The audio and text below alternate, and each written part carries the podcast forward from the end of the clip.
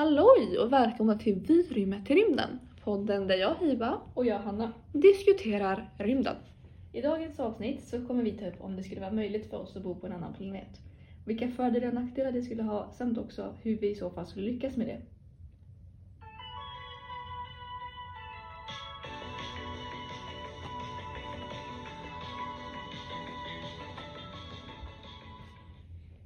Kommer vi människor kunna leva på någon annan planet än jorden? Finns det liv på andra planeter än jorden? Jo, det här är frågor som många ställer till dagens forskare. Och allt som människor undrar och vill ha svar på är om vi någonsin kommer kunna bo på en annan planet. Men Hanna, hur ser det egentligen ut i nuläget? Jo, men som det ser ut i dagsläget så finns det faktiskt inget definitivt svar på de frågorna. Och det är eftersom vi faktiskt inte helt säkert vet om det dels finns liv på andra planeter eller om vi människor någonsin kommer kunna leva någon annanstans än på jorden. Jo, detta beror väl på att man inte har kunnat påvisa om det vore omöjligt för människan att leva på en annan planet än jorden. Samtidigt som vi inte heller har lyckats bevisa att det vore möjligt. Ja, för vissa menar då att av alla planeter och himlakroppar i det gigantiska och mestadels outforskade universum så måste det ändå finnas minst en planet vars förhållanden ändå liknar jordens. Men andra menar väl också att anledningen till att vi människor ens finns är för att jorden erbjuder förhållanden som gör det möjligt just precis nu. Vad är då oddsen att en planet någonstans i universum skulle göra detsamma nu när vi människor ändå lever? Kanske så har det funnits, eller kommer finnas, planeter vars förhållanden liknar jorden. Men vad är det egentligen som säger att dessa planeter måste existera just nu under en tid då vi människor kan utnyttja den? Men du, varför diskuterar vi ens möjligheter att kunna leva på en annan planet? Jo, den främsta anledningen till att vi diskuterar möjligheten att leva på andra planeter, bortsett från nyfikenhet, är det faktum att vi människor inte kommer kunna leva på jorden för all framtid. Forskare söker därför efter planeter som skulle kunna vara nya boplatser för mänskligheten. Men precis så, så man debatterar egentligen alltså kring tanken om att rymma till rymden för att komma bort från sina problem som finns vid vårt jordklot. Precis, och hela faktumet att flytta hela mänskligheten till en eller flera nya planeter måste ju ändå ha både fördelar och nackdelar. Vill du ta och börja med fördelarna kanske? Ja. Fördelen med att flytta till en helt ny planet är självklart att det kommer innebära en ny start för mänskligheten. Vi får börja om på en helt ny planet och har också därför möjligheten att göra rätt från början. Till exempel när det kommer till byggnationer eller hantering av miljö och klimat. Den främsta anledningen till att vi människor ska flytta till en ny planet är faktumet att vi inte kommer kunna leva på jorden för all framtid. För enligt SMHI så kan man till exempel börja se drastiska förändringar i det svenska klimatet inom bara 50 till 100 år. Man tror till exempel att saker som den svenska floran och faunan kommer att ha genomgått stora förändringar. Nya skaldjur kommer kunna uppstå. Kalfjället kommer försvinna helt. Och man tror också att det kommer finnas invasiva arter som tränger sig in i det svenska ekosystemet. Och det här är bara några av de saker som kan hända endast i Sverige och Sveriges klimat inom de närmsta årtiondena. Och då kan man ju bara föreställa sig hur andra delar av jorden kommer drabbas betydligt hårdare och snabbare av klimatförändringarna. Men trots dessa fördelar så finns det väl också nackdelar med att flytta till en annan planet. Och att flytta till en ny planet skulle nämligen vara extremt kostsamt, vilket vi alla nog kan förstå. Och det skulle väl också påverka vår ekonomi på den nya planeten? Precis.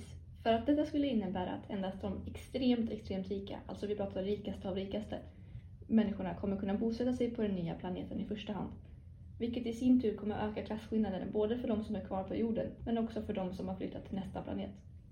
Och då kan man ju också ifrågasätta ifall det verkligen är värt att flytta till en helt ny planet om det skulle vara så pass kostsamt att vi inte kan inkludera alla i flytten.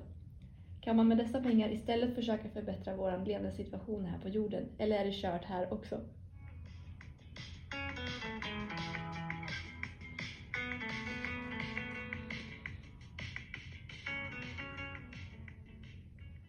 Men du, även om det verkar omöjligt för mänskligheten att etablera sig på en annan planet så finns det ju faktiskt ett fenomen som kallas för terraforming. Och jag är lite osäker på om många har talat om den här, det här fenomenet eller inte.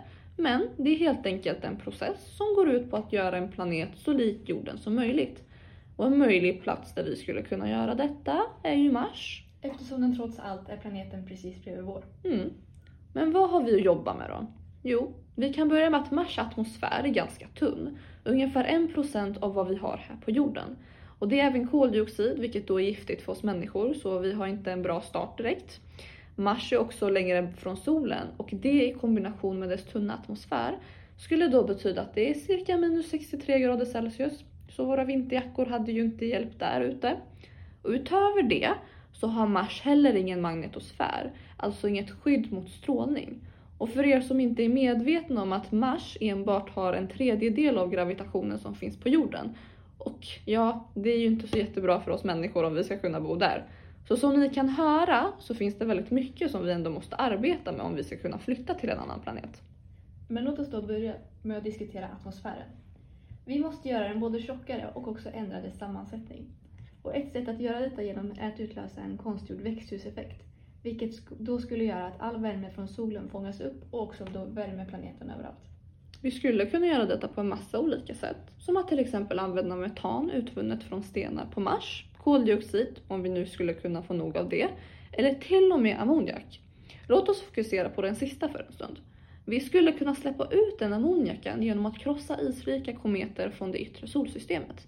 Eftersom ammoniak till mestadels är kväve i vikt så kan vi när vi väl tillsätter syre genom växtlivet ha en atmosfär som är ganska lik jordens. Och med en tjockare atmosfär så skulle atmosfärstrycket vara tillräckligt högt för att vi människor skulle kunna leva där. Och härifrån så kommer atmosfären att värma planeterna och resten av terraforming-jobbet, ja, man skulle väl kunna säga att det är en piece of cake därifrån. Men hur skulle vi då göra med dessa resurser och hur får vi tag på dem? Till exempel så skulle vi kunna smälta Mars polarisar och ha vatten. Och med vatten så kan vi ha en miljö för livet, göra några förändringar på Mars mark och etablera oss på den tidigare röda planeten. Så för att sammanfatta dagens avsnitt, vad har vi tagit upp?